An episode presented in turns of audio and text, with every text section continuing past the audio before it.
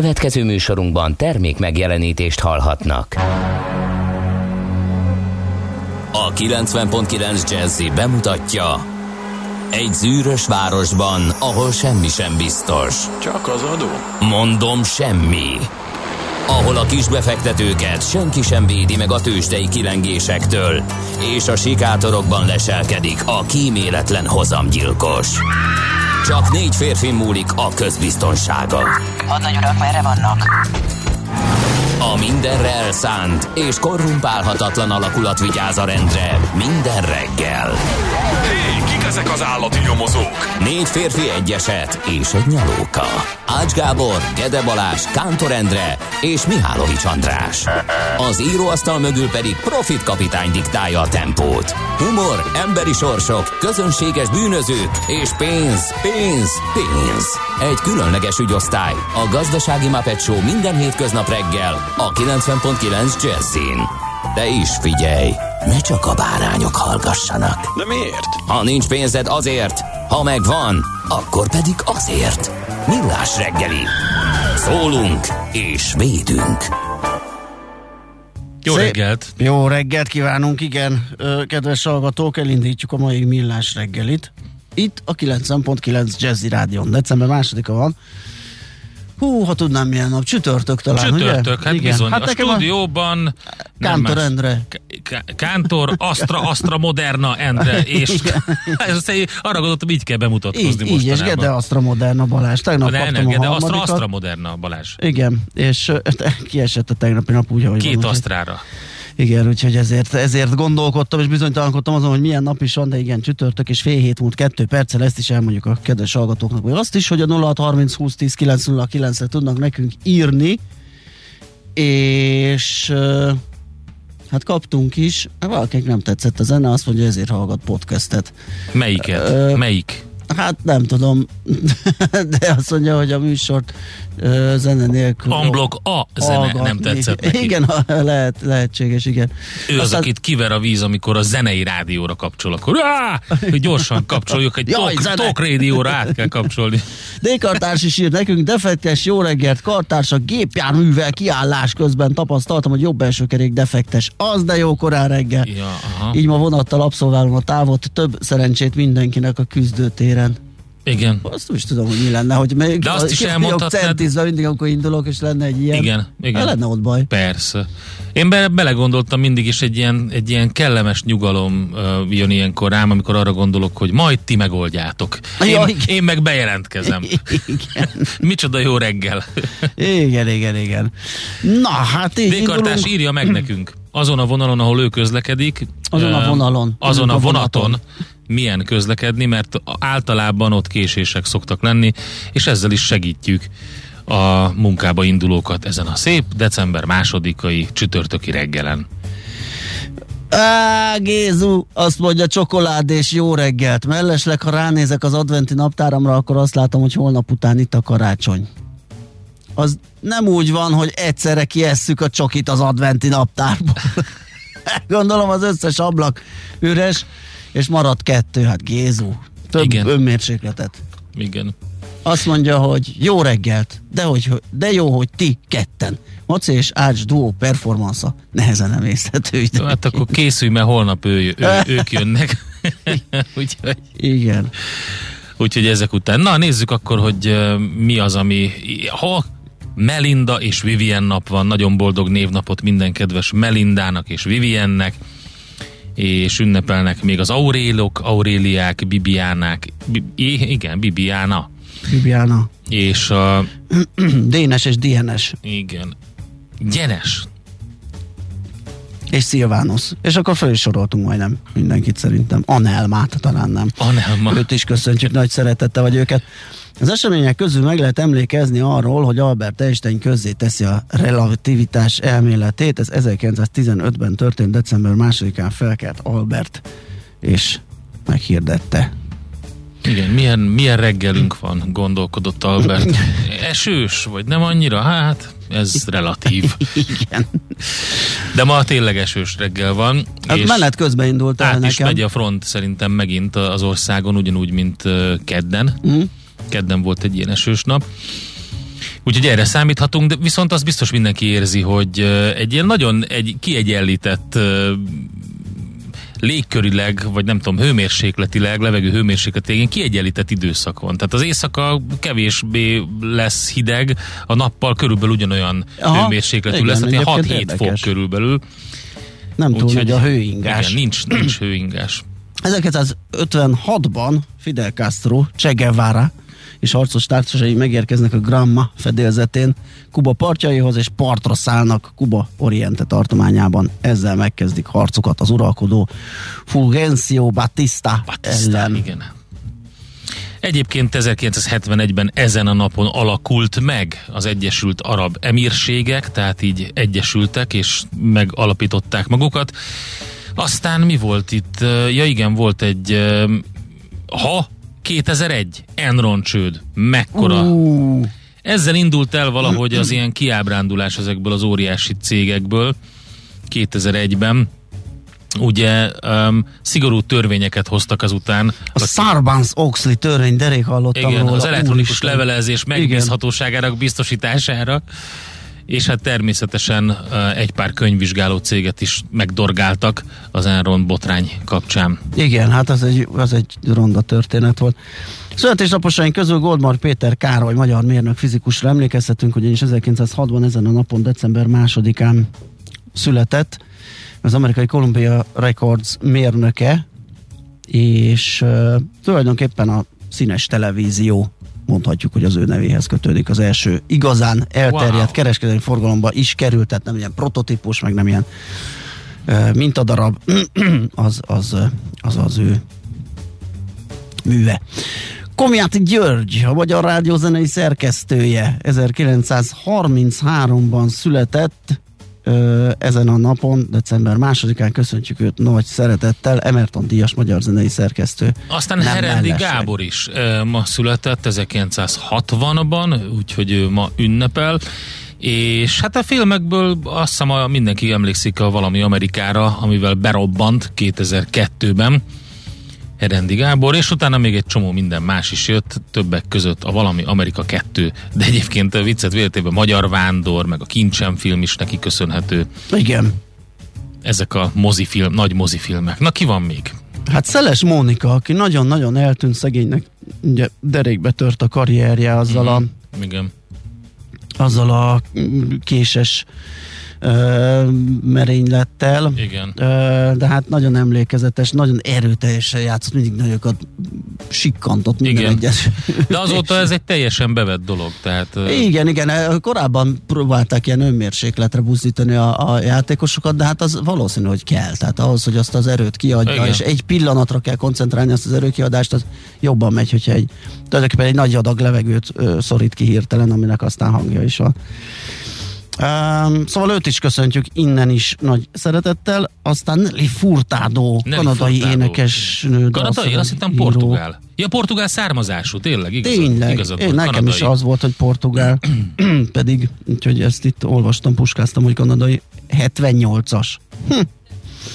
Ö, Britney Mi, Spears, miért mondtad, hogy hm, mert ö, valamiért nem gondoltam, hogy ennyivel fiatalabb nálam. ah, pedig Egy időben nagyon szerettem, sokat hallgattam, és most így valahogy nincs meg. azt Nem- gondoltad, nem hogy tudom, ő már egy régebbi, ja, nem tudom, mit csinál most. Igen. Uh, Britney Spears, na róla most sokat lehet hallgatni, vagy hallani, ugye amerikai énekesnő 1981-ben született, éppen most 40 éves, és Kis Ramona magyar színésznőt is köszöntjük őt nagy-nagy szeretettel a mai napon. Na, akkor annak a kedves hallgatónknak elsősorban, aki ö, nem szereti a zenét, küldjük ezt a következő felvételt, hogy azért próbálkozzon vele, jó dolog az, jó dolog az, és só nélkül nem lehet élni. Nézz is! Ne csak hallgass!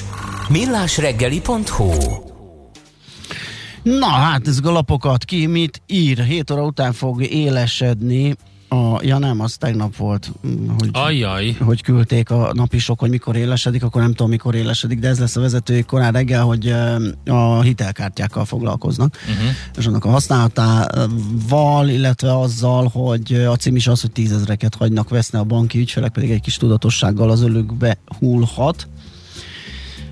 Itt arra gondol a szerző, hogy bizonyos hitelkártyákhoz van ez a cashback funkció, tehát a költésed után visszajár egy-két százalék, abból akkor lesz egy szemmel látható összeg, ugye, hogyha milliókat költesz vele, ami mondjuk éves időszakban azért nem, nem túl megerőltető, hogy csak a bevásárlósaidat intézed meg, meg ilyeneket. Viszont én azért azzal együtt, én nem tudom, elolvastam a cikket, és ez sem győzött meg, hogy nekem kell egy ilyen. Értem. Azt, mert ugye itt, itt két dolog van. Egyrészt, hogyha én nem szeretek a takaromnál tovább nyúlni. Tehát azt uh-huh. költöm el, ami van, ahhoz a, nyilván a debiten van valamennyi, akkor abból költek ezek. A másik pedig rettegek tőle, hogy megcsúszok, nem fizetem vissza időbe, és akkor rámerik a nagy kamatot. Igen. Igen ám, de a cikk is írja, hogy erre van megoldás. Csoportos beszedési megbízással lehet kiegyenlíteni azt, amit elköltöttél a hitelkártyától. Kérdem én, mi ennek az értelme?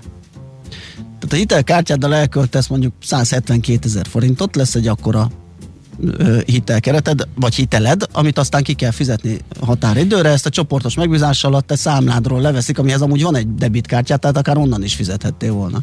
Hát olyan előnye van szerintem, amit Ács kollega is meg tud majd cáfolni, vagy erősíteni, hogy ezeknek a hitelkártyáknak vannak különböző olyan feltételei a használatnak, amik amik értékessé teszik számá, számukra. Bizonyos Illetve esetben, itt is a cikk nem is kell arra várni, a... hogyha valaki mondjuk egy olyan munkahelyen dolgozik, mondjuk nem munkahelyen, hanem vállalkozó, össze-vissza jönnek be a, a pénzek, mondjuk egy ilyen minimál bérem van a saját cégébe bejelentve, és egyébként pedig ugye nem tudja kiszámítani Aha. per hó, hogy míg mikor jön be, mondjuk akkor ez a szemben a fizetés, kifizetés, a kiegyenlítés a hitelkeretnek is nehézkés lehet, de ennek ellenére az ott mindig ott, fogod az ott mindig ott van akkor azt a... Igen, hát, meg hát ezzel be tud menni ugye a repülőtéri váróba. És akkor pont, Hát vége. akkor, hogyha olyan a kártya, igen, Ács, Ács Gábor olyat szerzett, de ugye ahhoz is annyit kell repülni, mint az Ács Gábor, Jó. hogy megérje. Tehát ugye ezt a, ezek a visszatérítéses akciókat is meg kell nézni, hogy ezt mennyire adják. Figyelj, Tehát, ez egy a... nagyon jó, mindjárt... Uh... De a napi ponton ott van minden, úgyhogy lehet erről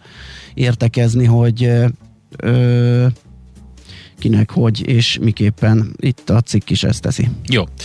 G7.hu egy érdekes cikket lehet olvasni, most élesedett egy 10 perce, Orbán Krisztián tollából, közgazdász, számos közéletű témájú cikk szerzője.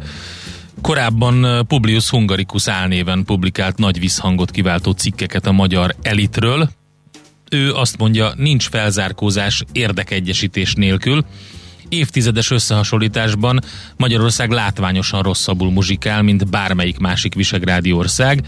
2000 óta a magyar állampolgárok összes elkölthető reáljövedelme euróban kifejezve 20%-kal nőtt, míg a lengyeleki 60-nal, a cseheki 120-szal, a szlovákoké pedig 150-nel.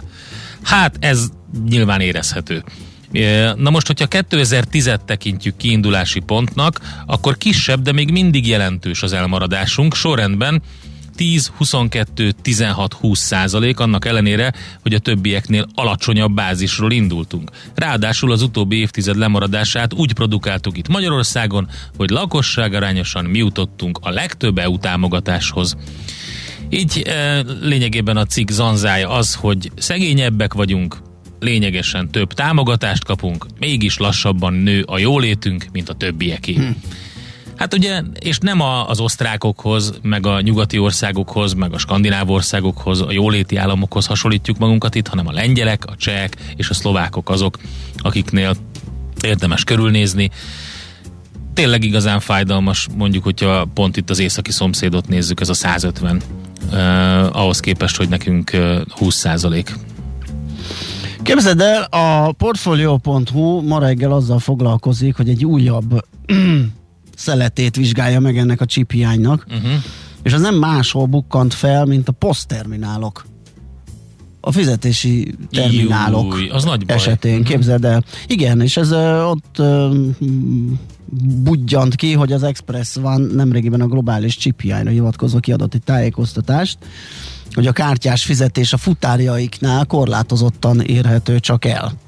És a portfólió így körbejárta ezt a, ezt a kérdéskört, egészen annyira, hogy a legnagyobb hazai kártya elfogadót, az OTP mhm. bankot is kérdezte erről, és az egyik legnagyobb terminálgyártót is, az Ingenico Group Magyarországi értékesítési igazgatóját is.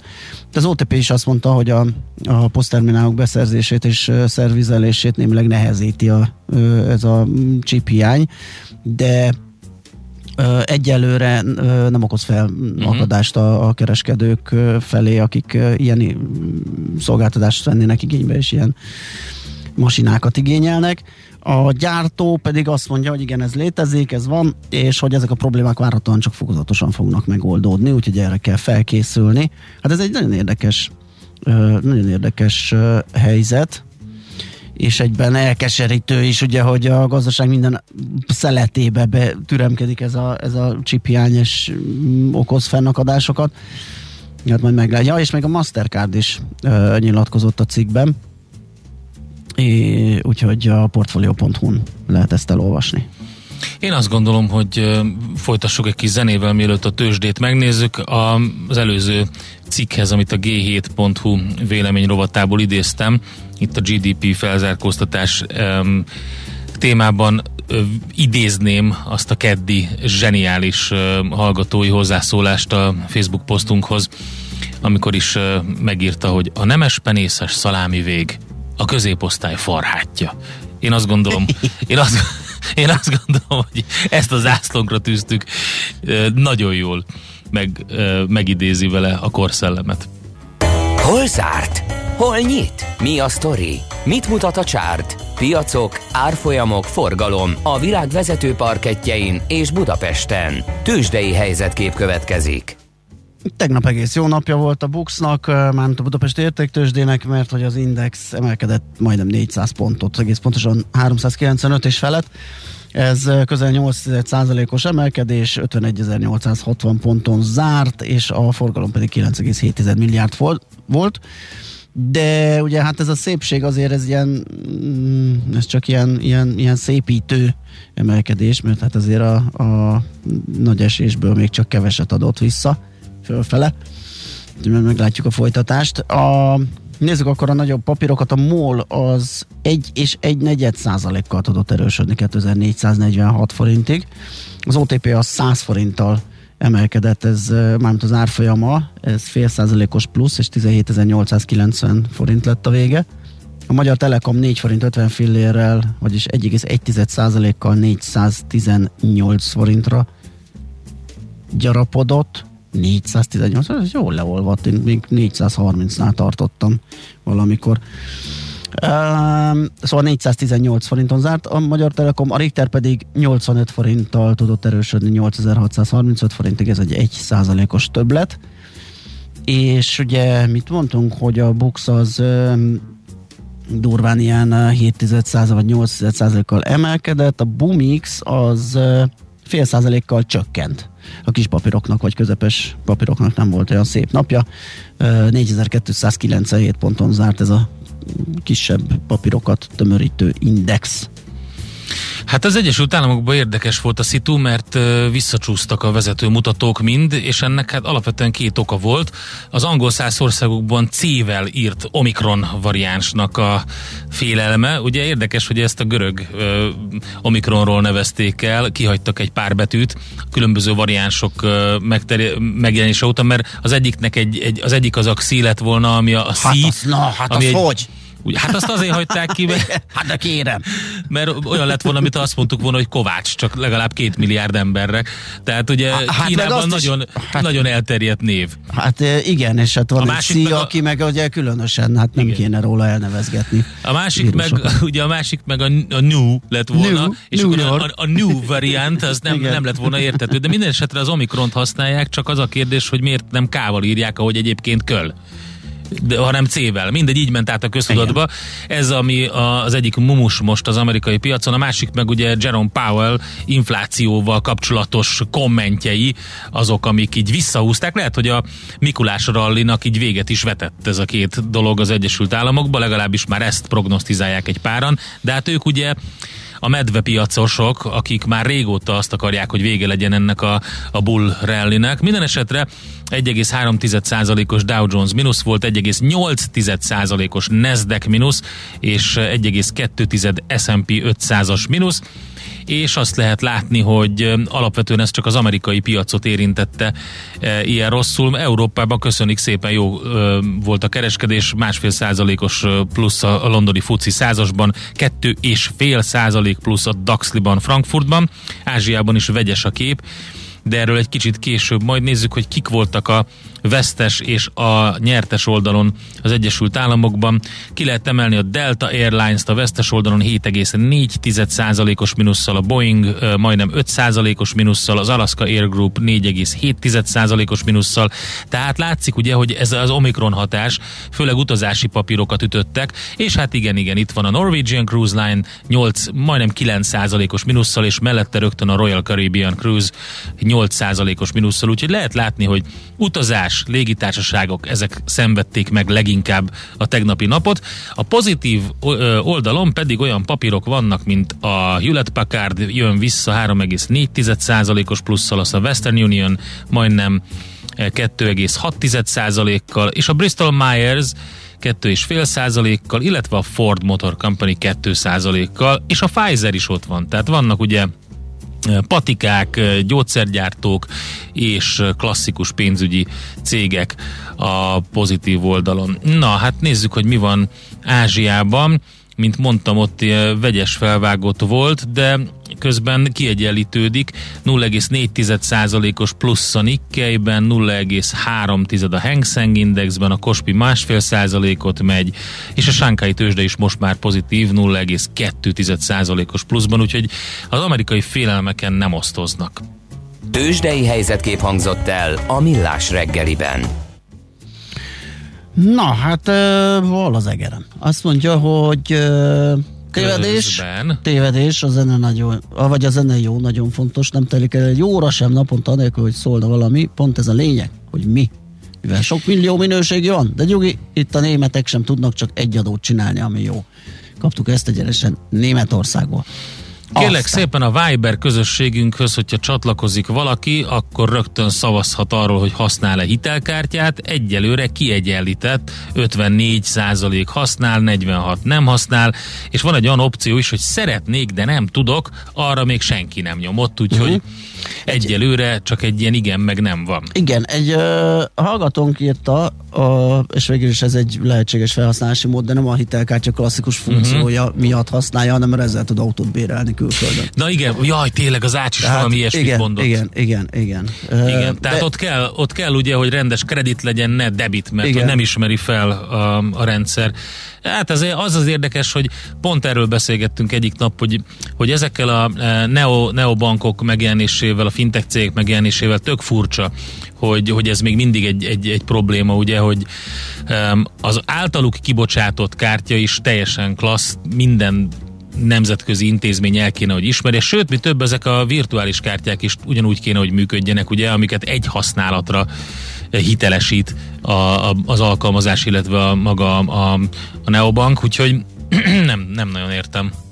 Na hát akkor a Viber közösségünkbe lehet erről Igen. Véleményt alkotni egy rövid kis szavazás keretében. Közben azt írta egy kedves törzsalgatónk, hogy a csiphiány persze Kína egyre jobban disznókodik, bár mondhatni visszanyel a fagyi. Szinte mindenki kiszervezte a gyártást az égbérek mámorában. Uh-huh. Most meg tessék. Uh, igen, ez is lehetséges. Már, már nem Kína. Egyébként, A, már ta- Kínából szervezik ki, mert Igen. ott már drága. Egyébként Tajvan az egyik fő ö, központ, ami egyfajta Kína. Ö, és képzeld, el, azt olvastam, hogy az is, az is hozzájárult ehhez, hogy óriási szárazság volt, és Mhm. bődületes vízigénye van a csípgyártásnak. Azt még nem göngyölítettem fel, hogy egész pontosan hol és miért kell sok vizet használni.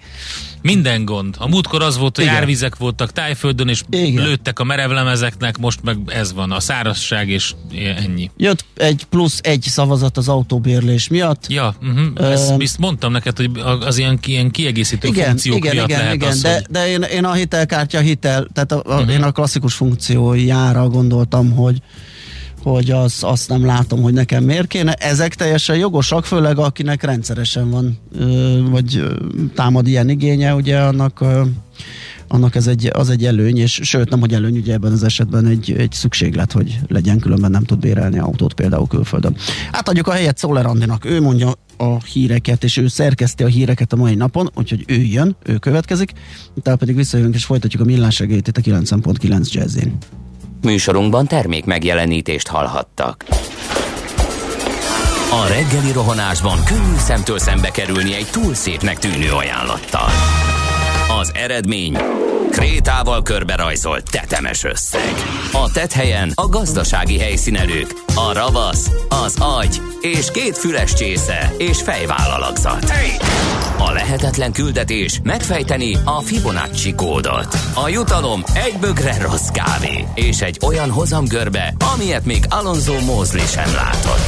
Millás reggeli, a 90.9 Jazzy Rádió gazdasági mapetsója. Vigyázat! Van rá engedélyünk! A Millás reggeli fő támogatója a Schiller Flotta KFT. Schiller Flotta and Rent a Car. A mobilitási megoldások szakértője a Schiller Autó tagja. Autók szeretettel. Jó Köszöntjük a kedves hallgatókat, igen. Ez a Millás reggeli továbbra is itt a 90.9 Jazzy Rádion Kántor Endrével. És Gede Balázsral. 418 lesz egy perc múlva, így csütörtök reggel, és van nekünk egy 06 20 ha, 06 30 20 10 9 09. Ezt akartam mondani pont. Igen, igen. Uh, ide várunk információkat, küldtetek is, és megnézzük, hogy van-e köztük útinfo. Budapest legfrissebb közlekedési hírei, itt a 90.9 jazz Hát, Egyelőre balesetmentes úgy tűnik a főváros és környéke, e, legalábbis az útinformhoz sem, a BKK közlekedési infóhoz sem érkezett be baleset információ, de hát írjatok meg e, nekünk minden ilyet, amit tudtok. E, hogy hol lehetne ezen közlekedni? Hát nyilvánvalóan a bevezető utakon Budapesten torlódik már az M1-M7 közös szakasza, illetve természetesen ott végig a alkotás és hát a belvárosi szakaszok, a hidak környéke. Ó, megmentett minket egy hallgató, éppen most írta meg, hogy Csepeli út áll, mint a szög kifelé uh-huh. irányban, mármint olyan értelme mentett meg, hogy egy konkrét útinformációval is szolgálhatunk, mert igen, ahogy említetted, az útinform nem ír balesetet, az általánosakat írja csak, hogy élénk a forgalom a mm-mm, mindenhol gyakorlatilag a bevezetőkön. Hát igen, az M31-es autópálya, az M0-ás autót fele vezető oldalon javítják a burkolatot, és a 6-os kilométernél lezárták az egyik sávot, a külső sávot is. A két szűkített sávon halad a forgalom, itt biztos nehezebb az előrejutás. Budapest, Budapest, te csodás! Hírek, információk, érdekességek, események Budapestről és környékéről. Na nézzük, megújul a Bálna, mármint a budapesti, az épület. Ne viccelj! Igen. Mert hogy? Mert hogy végre lezárult a az erre kiírt közbeszerzési eljárás. Ez az uniós közbeszerzési értesítőből derült ki. De hát mit kell, eh, mit kell az épületen megújítani? Hát én ezt nem tudom. Én eh, mikor jártam ott? Szerintem két éve. És, Én jártam ott sűrűn, mert ugye ott nem, télen kiraknak egy jó kis ilyen korcsolyázót. Hát egy ilyen alig használt, tök modern épületnek Igen. tűnik. Én nem látom azt, hogy mit kell ezen bütykölni, pimpelni. De a cikk, amiből puskázok a portfólióról, annak az ingatlan rovatából, Uh, ott kiderül azért, hogy az épületben olyan multifunkcionális uh-huh. termeket, konferenciális rendezvénytereket, helyiségeket akarnak létrehozni, amelyek nem csak egy síkú megjelenést tudnak biztosítani. Tehát ott egy ilyen belső átalakítás mindenképpen uh, kell emiatt, uh, és hát erre lesz az az 589 millió forint, ami a pályázat összege, és a Bálnát jelenleg kezelő Magyar Turisztikai Ügynökség ZRT írta ezt ki. Igen, Épp hát két iroda nyert, bocsánat. Ez a baj így... ezzel, hogy mind a, tök jó fejlesztések történtek, és itt most ne menjünk abba az építészeti vitába bele, hogy ha hogy néz már ki egy ilyen modern épületi, ott a régi szép dolgot kellett, nem, tehát egy teljesen klassz fejlesztése volt ez ennek, annak a városrésznek, és ugyanúgy, mint a kopaszigát fejlesztésnél, egyszerűen nincs, nincsenek kihasználva azok az épületek. Tehát én azt hittem egyébként például, amikor a kopaszigátot átadták, hogy az egy ilyen, egy ilyen nagyon-nagyon-nagyon-nagyon kedvelt öm, helyszín lesz egy csomó mindenre. Úgy De is az indult. az, nem? De lehet, Meg de nagyon, főleg most, aztán hogy- utána volt egy, egy jó, jó sok ideig ott állt, és egy, Mhm. csak egy pár hely volt ott, nem is használták ki, mond azt az öbölház, vagy mi van ott, használták nagyon. Ki, egyre többen használják, de én azt gondolom, hogy, hogy, hogy Meg hát ott épül az a lakópark, tehát ott nagyon sokan Oké. lesznek helyiek is. Redben, az most nyilván meg fogja dobni Igen, igen, ezt igen. a dolgot, de azért jó sokáig állt. A Bálnával ugyanezt láttam, hogy létrehoztak valamit, ami egyébként Budapest városképét is egy, szerintem feldobta, és magát az épületet azt nem tudták jól kihasználni. Lehet, hogy belül a belső tereknek a konfigurációja az nem volt olyan jó, és ezt próbálják most a mostani Mhm. átépítéssel megoldani. Hát igen, nem lakták be, így is lehet fogalmazni. Ö, igen, lehet. Aztán még budapesti vonatkozású hír, mi szerint BKK leszerel 46 darab jegyautomatát a következő hetekben. Egyre népszerűbb egyébként a mobiljegy, úgyhogy ez lehet az oka Mhm. uh-huh. ennek.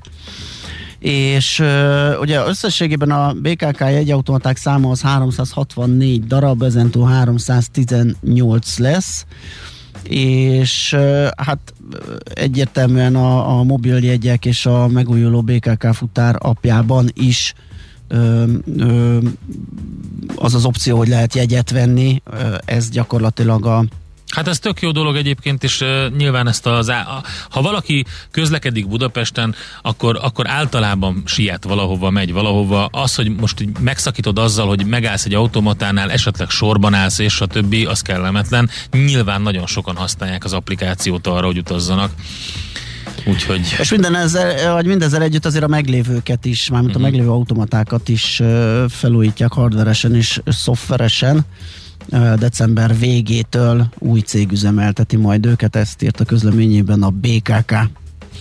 Azt mondja, hogy Tel Aviv a legdrágább a világon, Damaszkusz a legolcsóbb városa. Egy friss felmérés szerint Budapest az alsó hányadban foglal helyet, tehát egyre olcsóbb Budapest, hogyha dollárban jön a fizetés, ezt fontos hát, hozzászól. igen, igen, ilyen forint igen. gyengülés mellett egyre, van, egyre olcsóbb. Egyre olcsóbb, igen.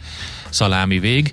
Azt mondja, hogy az infláció itt is bejátszott, mint a világ sok más városában, írja a 24.hu, viszont a mostani üzemanyagárral még összetehetjük a két kezünket a hongkongi árakhoz képest. Úgyhogy ha így összehasonlítjuk, akkor akkor nem. Hát ugye az Economist Intelligence Unit szerdán ismertette az éves globális felmérését, ez a Worldwide Cost of Living, és ebben nézték meg azt, hogy mely városokban mennyire drága az élet dollárba.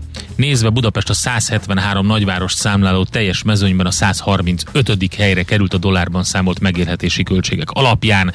A New Yorki költségszint 54 ával vagyis 54-es indexel rendelkezik, költségindexel Budapest New Yorkhoz hasonlítanak mindent.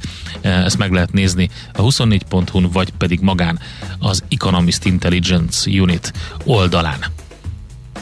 Nekünk a Gellért hegy a Himalája. A Millás reggeli fővárossal és környékével foglalkozó rovata hangzott el. A szerencse fia vagy? Esetleg a szerencse lánya? Hogy kiderüljön, másra nincs szükséged, mint a helyes válaszra. Játék következik. Na, a helyes megfejtést beküldők között ma kisorsolunk egy bortársaság karácsonyi ajándékcsomagot, ami kettő bort tartalmaz díszdobozban. Az ünnepekre is boros élményeket nyújtó bortársaság jó voltából. Mai kérdésünk a következő. Melyik illatos szőlőfajta az alábbiak közül? A. A tramini, B. A portugízer, vagy C. Az olasz rizling. A helyes megfejtéseket ma délután 16 óráig várjuk a játékkukac jazzy.hu e-mail címre.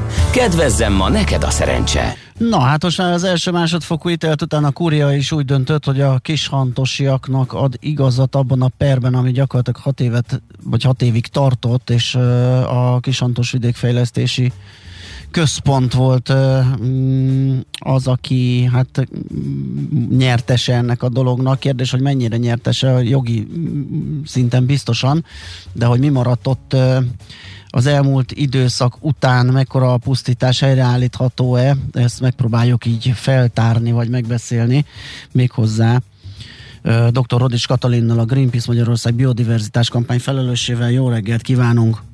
Jó reggelt kívánok! Lépjünk vissza egy kicsit, akik esetleg már elveszítették a fonalat, mm, azt bátorkodom kijelenteni, hogy olyan, aki nem hallott az ügyről, az talán nincs is, vagy csak kevés. Hogy hogy kezdődött ez, mi történt itt, miért lett ebből pereskedés? 2012-ben indult még a kishantosi biogazdálkodás, és tulajdonképpen egy népfőiskolai központ is volt, ahol felnőtt oktatás is ingyenes felnőtt oktatás volt, ökológiai gazdálkodásról, és ez a európai szintű központ, amit még német és magyar közös államközi megállapodással hoztak létre, éppen azért, hogy az ökológiai gazdálkodást terjesszék és oktassák, ennek a földjeit a magyar állam adta erre a célra bérbe. És hát találgathatjuk, hogy milyen okból politika és bosszú is volt e mögött, Aha. de 2012-ben meghirdették ezeket a földeket, és újra pályáztatták, természetesen Kishantós is pályázott, de nem ő nyerte el a földeket, annak ellenére, hogy van olyan jogszabály, hogy az előző bérlőnek előbérleti joga van. Uh-huh.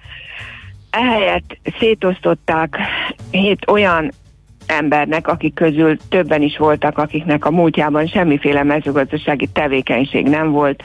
Volt Salgótarjáni építési vállalkozó, nem sorolom. Az a lényeg, hogy ezek kapták meg a bérleti jogot, és hát ekkor indult el az a folyamat, amikor a Greenpeace segítségével Kishantos megtámadta ezeket a döntéseket. Elmentünk bíróságra, de a bírósági ügyek még zajlottak akkor, amikor a következő év április 12-én ezek az új bérlők, ezek kirendeltek egy fegyveres őrzővédő szolgálatot, és ezek az utakon állva meg akarták akadályozni, hogy bárki láthassa azt a pusztítást, amit elvégeztek, mert traktorokkal betárcsázták az aratás előtt álló biogabonát több mint 450 hektáron. Ez valami olyan elképzelhetetlen cselekedet volt, amiért azt mondták a valaha gazdálkodók, hogy az 50-es években még fel is akasztották volna azt az illetőt, aki ennyi élelmiszer alapanyagot elpusztít. És ebből is látszott az, hogy valójában nem hittek abban akkor, hogy biztos, hogy ők a jogos bérlők, mert akkor megtartották volna ezt a gabonát, uh-huh. és mhm. két hónap múlva learadták volna maguknak.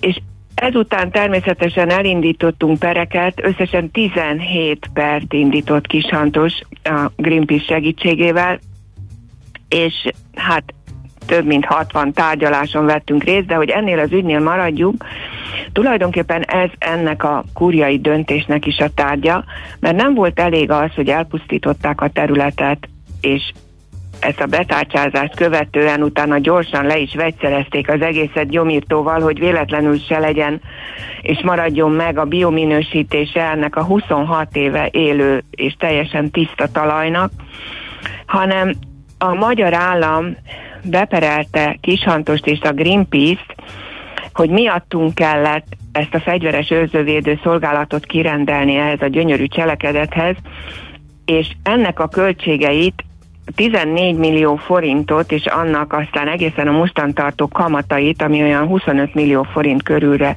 rúgott már, akarta tényleg az utolsó cseppvért is kisajtolva kishantosból, meg minket is büntetve behajtani rajtunk. Na most ez az a per, amit első és másodfokon is a magyar bíróságok elutasították a magyar államnak ezt a keresetét, és most erre bólintott rá a kúria nagyon nagy örömünkre, aki megalapozatlannak találta a vádakat, hiszen a, a nagyon érdekes dolog még, hogy semmiféle közbeszerzést nem írtak ki, holott ez egy elég nagy összeg, úgy választották ki ezt az őrzővédő szolgálatot, hogy ennek még régebben ilyen takarításügyi dolgai is voltak, úgyhogy elképesztő, hogy mi minden történt ebben, nem, nem is tudom felsorolni. De a lényeg az, hogy most Kishantos hát erkölcsi győzelem volt számára, és a mi számunkra is, és nagyon örülünk, hogy megszületett ez a döntés, de ugye feltettük a sajtóanyagunkban is azt a kérdést, hogy de ki fogja visszaadni Kisantosnak Igen. a földjeit. Úgyhogy ez egy nagy kérdés. Tehát ugye egyelőre akkor ezek szerint, tehát ennek a kártérítési perre került most pont, nem pedig a, a bérleti viszony Igen, ez nagyon fontos. Uh-huh. Ez az utolsó magyarországi per volt, mert hogy a bérleti viszony, meg a pályázati rendszernek a jogsértő volta, és az összes többi véleményünk szerint alkotmány, és nem csak a mi véleményünk szerint, hanem egyes bírói ítéletek szerint is alkotmány ellenes voltával. Mi elmentünk egészen az alkotmánybíróságig, úgyhogy az a, a Magyar Alkotmánybíróságból ugye összeállítottak egy ötfős tanácsot, és ebből három-kettő arányban elutasította az alkotmánybíróság, ami, illetve a, a bírónőnek a felterjesztését, aki szintén elmondta, hogy alkotmány ellenes az, hogy semmiféle jogorvoslata nem volt ennek a döntésnek, hogy kikapja meg a bérleti jogot.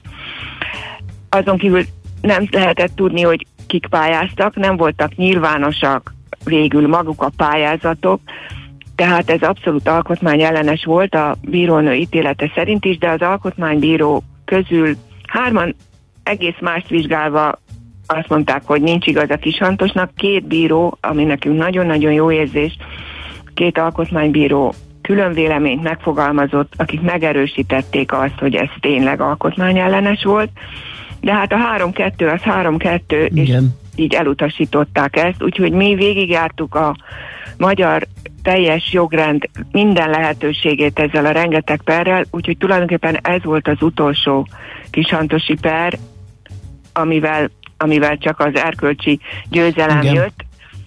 De azért mi nem, nem adjuk ezt fel, és reménykedünk abba, hogy Kishantos azért vissza fogja kapni a földjeit, egyszerűen amiatt, hogy bizonyíthatóan azért itt nagyon sok jogszabályt sértettek, és tulajdonképpen ez azért is izgalmas, mert az összes többi állami földbérlet újra szerződése ugyanilyen jogszabálysértések alapján történt, és nem a helyi gazdálkodók, és nem a meghirdetett kis földművesek kapták ezeket a földeket, hanem az Ángyán jelentés, amit szintén a Greenpeace támogat. Ángyán József a volt államtitkára az Agrárminisztériumnak, miután ott hagyta, és látta, hogy nem abba az irányba mennek a dolgok, amiben ő is felesküdött. Ezért ő végig az összes megyét és az összes földeladást, mert ugye a bérlet után ezeket a földeket eladták a bérlőknek, végig nézi, az utolsó megyénél tart már, az összes jelentés megvan, a Greenpeace honlapján megtalálható, és gyönyörűen látszik, hogy mindenütt a földek nagyon döntő nagy többségét azt a Fidesz holdudvar emberei kapták meg, és nem a helyiek, és vannak olyan települések, ahol egy talpalatnyi földet sem hagytak az embereknek, akik ott laknak, hanem mind mások kezébe került, mm.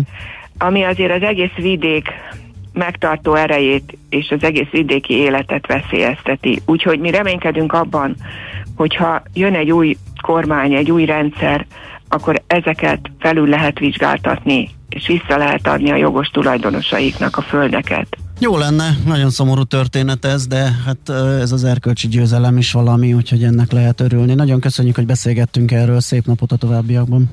Köszönöm a lehetőséget. Viszont hallásra. Viszont hallásra. Dr. Rodics Katalinnal a Greenpeace Magyarország biodiverzitás kampány felelősével beszélgettünk is Hantosról. Műsorunkban termék megjelenítést hallhattak. Ezt tudtad? A Millás reggelit nem csak hallgatni, nézni is lehet. Millásreggeli.hu Benne vagyunk a tévében. A tőzsde olyan, mint a nyomozás. Majdnem művészet. Kicsit matematika, kicsit sakkozás is. Türelemjáték. Millás reggeli.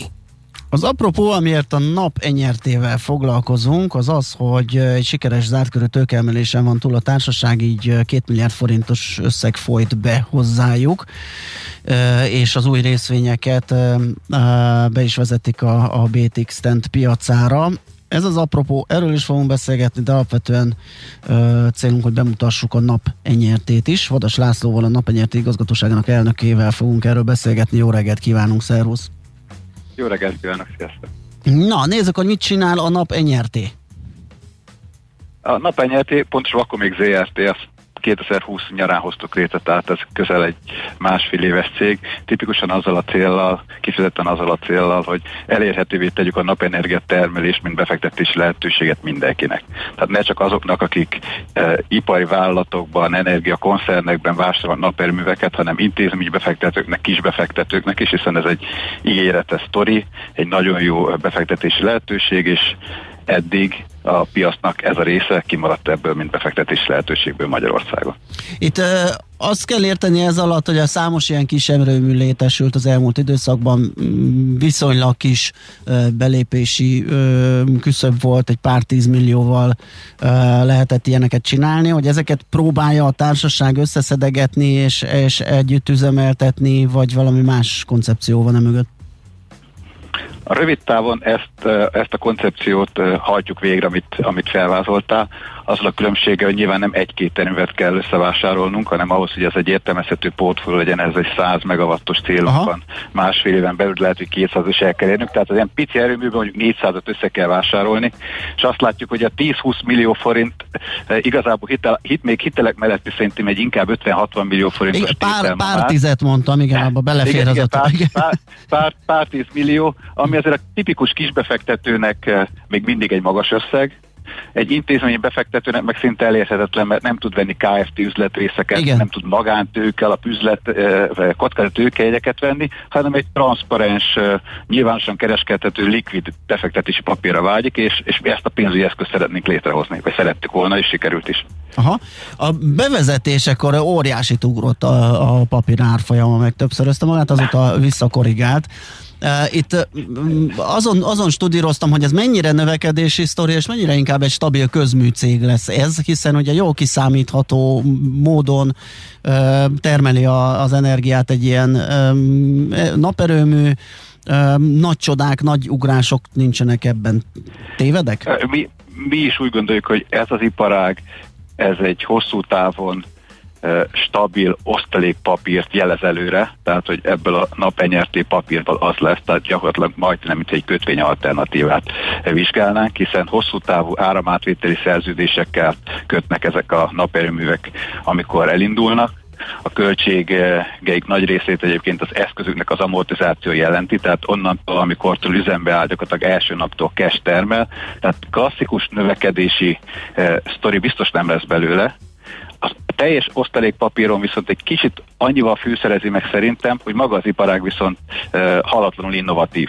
Tehát amellett, hogy ma ugye napenergiát termelünk, a tárolásban, szabályozásban még nagyon nagy potenciál van, és ez, ez indokolhat ugrásokat mondjuk a, a részvény árfolyamban. De valóban nagy növekedésre hát vagy, nem, inkább igen, vagy pedig a következő tervek, ugye? Tehát, hogy a, itt, van, itt van ez a sikeres zárt körű tőkeemelés, ebből a befolyt összegből mik a terveitek? Deklaráltan azt tűztük ki magunk elé, hogy, az, hogy jövő év végére, egy másfél éven belül szeretnénk egy 100 megawattos portfóliót elérni, uh-huh. és a tőkeigényes a, az iparág, ezért ez jelentős tőkebevonást igényel. De az első tőzsdén végrehajtott tőkekibocsátásunk is uh, minden optimizmusra ad okot, hiszen ezt egy 1 milliárdos forint, 1 milliárd forintos tőkemésre terveztük egy tipikus Friends and Family körnek azoknak, akik részt vettek a cég alapításában az első évben, tőzsdék bevezetésben az ő e, barátaik közé, és az előzetes érdeklődések alapján 1 milliárdosra terveztük, aztán a időszakban láttuk, hogy 2 milliárd forintnyi e, jegyzési szándék érkezett, úgyhogy meg is emeltük a tőkemelés összegét, és így lett két milliárd forint. Én ez alapján azt várom, hogy a következő zártkörű emelési körökben, amikor az intézi befektetők is, ö, is megjelennek, tulajdonosok között, akkor hamar el fogjuk tudni érni ezt a, a tőkeszintet. És egyre venni fogunk, venni fogunk, aztán, hogyha elfogynak a piacon a jó potenciális felvásárlási célpontok, akkor lehet, hogy közösen fejleszteni is fogunk. Oké, okay, tehát akkor els, az első terv az, hogy ebből a befolyt tőkéből, vagy a bevont, frissen bevont tőkéből új naperőműveket vásároltok. Így van, átvilágítottunk több mint 300-at ilyen e, megépült vagy épülőfélben lévő kis magyarországi erőművet. Azt látjuk, hogy ebből egy 60-70 olyan van, amelyet még érdemes e, akvirálnunk, mert jó áron, jó minőségben, jó lokációban van, megfelelő finanszírozással, tehát ezeket mi rövid távon szeretnénk megvásárolni, így van, és a portfólióba A fejlesztés az milyen irányba halad akkor e, majd a további terveket nézve itt tárolás is szóba jöhet, vagy a szabályozó központokhoz való csatlakozás, vagy mi történik? A, a, egy bizonyos portfólió méret fölött e, minden e, előzetes számításunk azt mondja, hogy foglalkoznunk kell a szabályozással, a tárolással. Uh-huh. Az, hogy, az, hogy az első lépés az tárolás lesz, vagy valamilyen kiegyenlítő energiatermelőnek a, a rendszerbe élesztése, ez azon is múlik, hogy milyen uh, uh, milyen engedélyeket tudunk megszerezni, hiszen ezek, ezek nagyon időigényesek, de ez mind a két irány jellemző, és, és számítunk arra, hogy ezekben előre kell lépnünk. Oké, okay, itt említettél még további zárt körű tőkeemelési köröket. Ez, csak ez van terben, vagy esetleg egy nyilvános uh, részvénykibocsátás is? Nyilván mi nagyon szeretnék egy nyilvános részvénykibocsátást is, de az a tisztában kell lennünk, hogy ez a cég ez egy nagyon friss cég, hiszen még nincs egy teljes lezárt üzlet évesen. Tehát az, az eredmény, hogy tűzsdére tudtunk menni már most. Befektetési tanácsadóink alap, javaslata alapján nyilvános kibocsátásban először akkor tudunk gondolkodni, amikor lesz egy teljes lezárt üzletévünk, lesz mögöttük valamennyi track record. Nincs az már messze, hiszen a 2022 tavaszán rendes közgyűlés után lesz ilyenünk.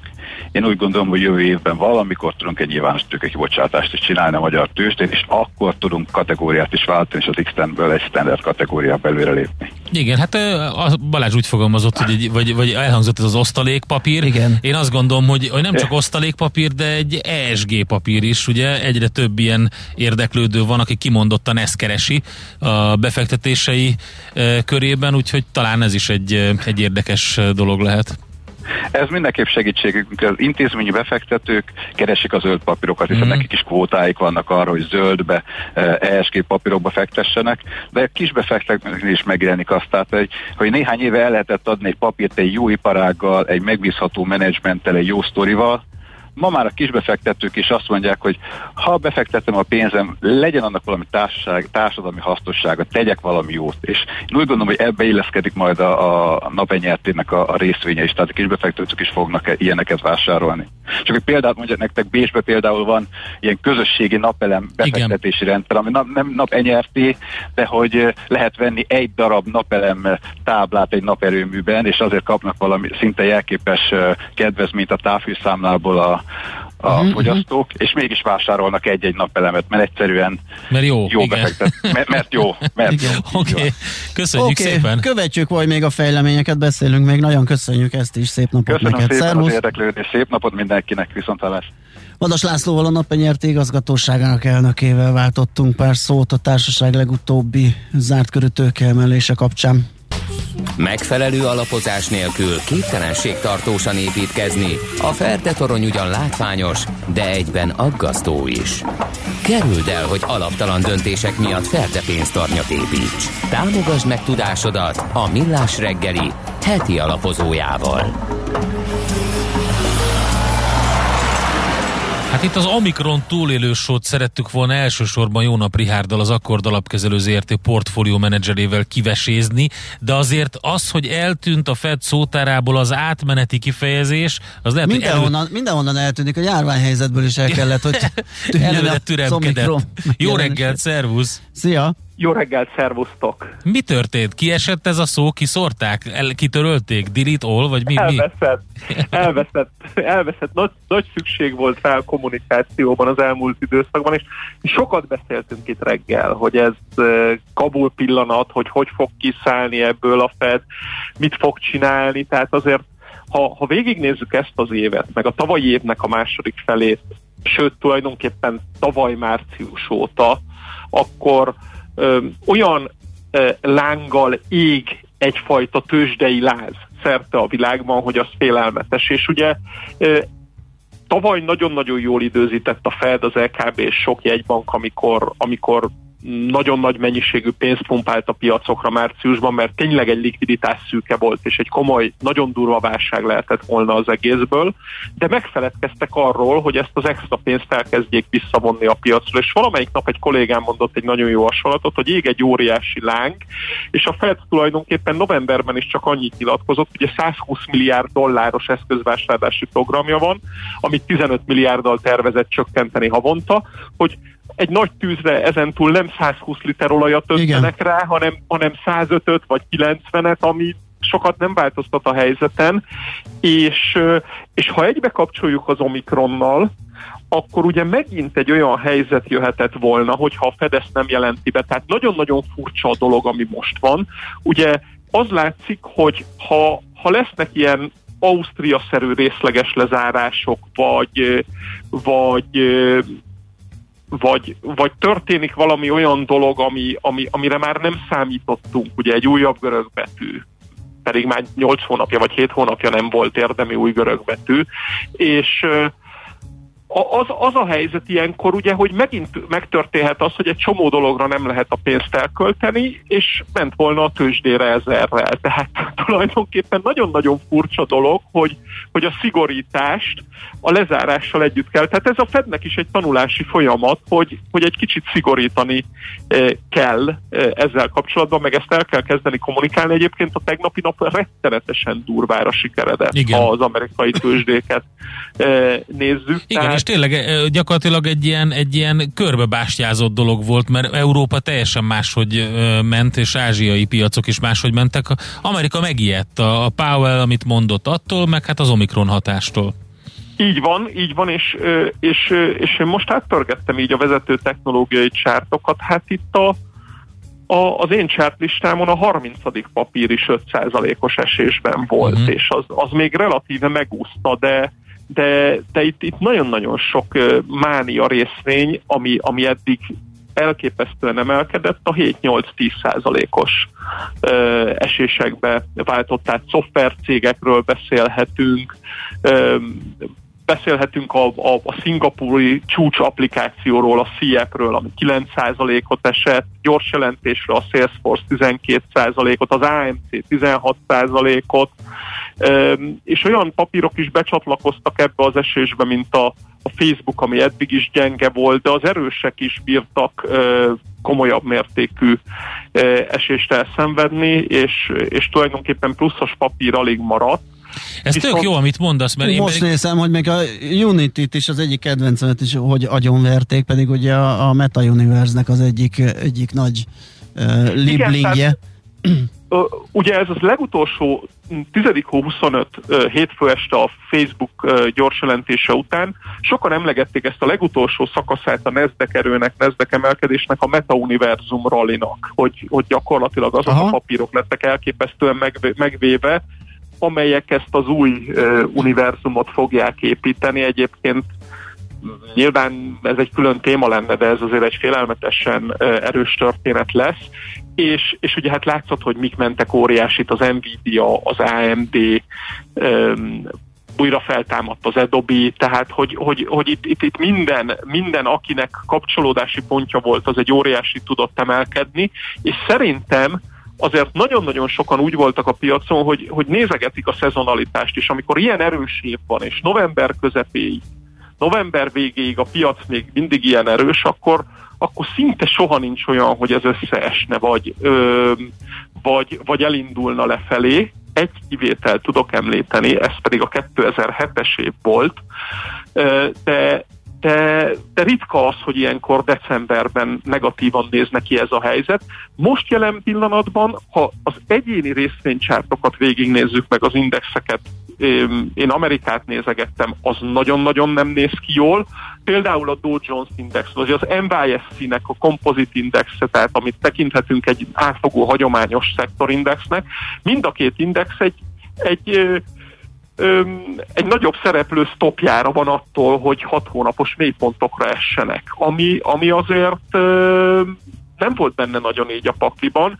Mindeközben azért még egy, egy, egy Apple az leszámítva a tegnapi napját kvázi élete csúcsát. Tehát a tegnapi napnak a napközbeni teljesítményét kvázi az élete csúcsán van, és a különböző ilyen segédindikátorokkal pedig annyira durva túladottság van a piacon, ami a legmélyebb rakoknál fordul elő. Tehát nagyon könnyen benne van egy olyan szenárió ebben a piacban jelenleg szerintem, hogy látni fogunk egy, egy, egy fekete jelzőjű napot, Aha. és onnan egy azonnali visszavételt. Tehát látszik, hogy még, még a tegnapi napból nem feltétlenül kell azonnal felállni a piacnak, de de, de, de most lehet, hogy jönni fog egy, egy nagyon mély belehatoló gyertya, egy nagy tüskével, amit már meg fognak venni, óriásiak a forgalmak, tehát lehet, hogy 24-48 órára vagyunk egy ilyen piaci mélyponttól, de, de most már szerintem két irányba kell gondolkozni a befektetőknek, tehát egyrészt kell gondolkozni az erős papírokba azon, hogy ö,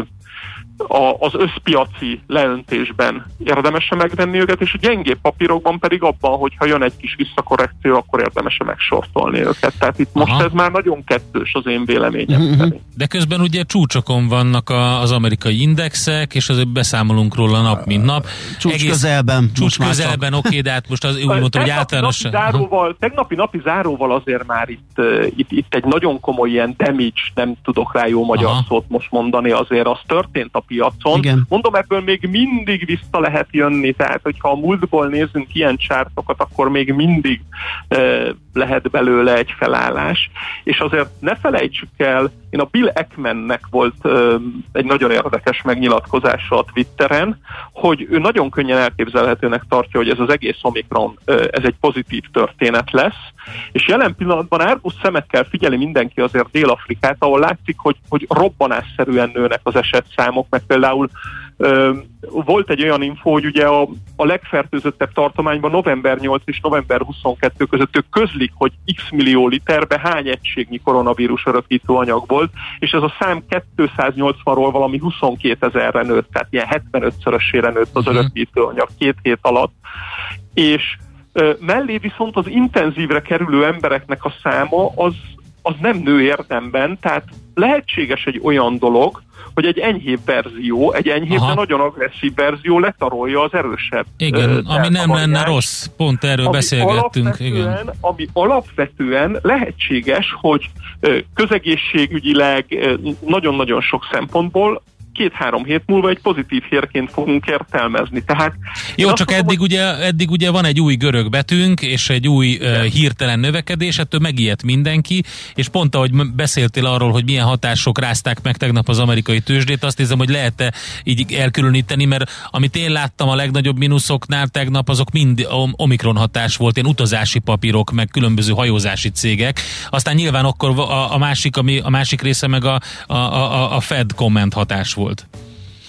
Így van, így van, és tehát mm, még egy dolog látszik azért, ami, ami, ami viszont szerintem piszok figyelmeztető, és itt most nem rövid távon a következő egy-két napra gondolok, hanem a, a következő egy-két hónapra, az az, hogy ha megnézzük, akkor lakosságnál, hedgefundoknál, nem beszélve a benfentesekről, látva már ugye, hogy Elon Musk is elkezdett eladni. Tehát óriási realizálatlan nyerők vannak. És ezekhez az óriási realizálatlan nyerőkhöz, amik megvannak a piacon nagyon-nagyon sok szereplőknél, tartozik egy óriási bizonytalanság. És ebben az esetben azért, ha, ha tőzsdés gondolkozással gondolkozunk, akkor lehet, hogy egyre több ember számára jön el annak az ideje ebben az óriási bizonytalanságban, az óriási realizálatlan nyerővel, hogy tegyük realizáltá ennek a nyerőnek az egyik részét. És ugyanúgy, ahogy fölfele nem volt eladó ezen a piacon, lefelé megint nagyon könnyen előfordulhat az egyensúlytalanság világában az, hogy nem lesz vevő. Hát ez izgalmas, okay. és egyre zűrösebbnek tűnik itt ez a tetőzés, de mondjuk minden nagy trend teteje ugye ilyen szokott lenni, hogy és, és rettenetesen durvák a napok. Igen, Tehát igen, gyakorlatilag itt nincsenek már ilyen támpontok, igazodási pontok. Vagy nyugat van. ö, Az, az lett, és, és szerintem ez nem is lesz más a következő hetekben. oké, okay, Nem is figyelünk. lesz más. Nagyon köszi. Köszönjük szépen, izgalmas Én is volt. köszönöm Szép napot neked, szia! Szép napot, szervusztok! Jó nap, Rihárdal, az Akkord alapkezelő ZRT portfólió menedzserével beszélgettünk.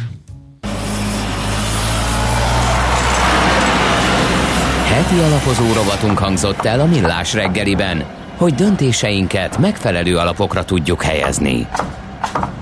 Műsorunkban termék megjelenítést hallhattak. Hé, te mit nézel?